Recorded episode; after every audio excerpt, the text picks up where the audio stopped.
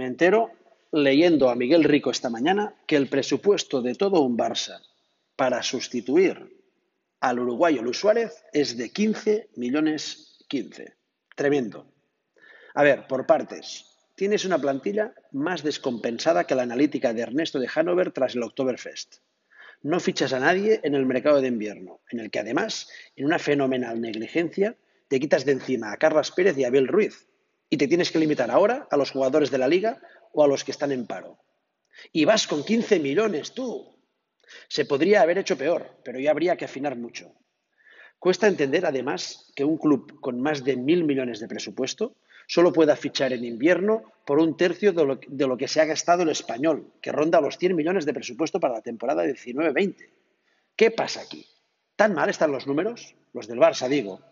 ¿O consideran los dirigentes que la situación del equipo no es lo suficientemente crítica como para darlo todo ahora? Supongo que nos estarán reservando por si hay que ir a por Lautaro y Neymar en víspera preelectoral. Porque claro, si así fuese, lo siguiente que deberíamos preguntarnos es si la directiva está tirando deliberadamente la temporada. La verdad es que con 15 millones 15 para fichajes, uno ya empieza a entender que a día de hoy tengan posibilidades reales de recalar en el fastuoso Barça de Messi un discretísimo delantero como Ángel Rodríguez o el todavía semi desconocido y a la vez que prometedor delantero colombiano del Real Zaragoza, Luis Suárez. Sí, amigos, Luis Suárez.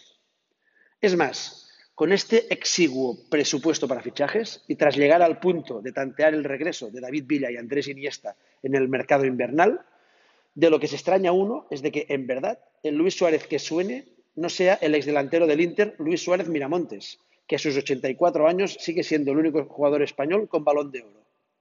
Va, tratándose del gallego sabio, seguramente habría dicho que no. Dazón, la plataforma inglesa por streaming, está cerca de quedarse con los derechos de la NBA para España. En poco tiempo, Movistar, hasta hace nada, referencia absoluta del deporte televisado en este país, ha perdido la Premier League, la Euroliga de baloncesto, MotoGP, la Copa de Fútbol y puede que ahora también la NBA.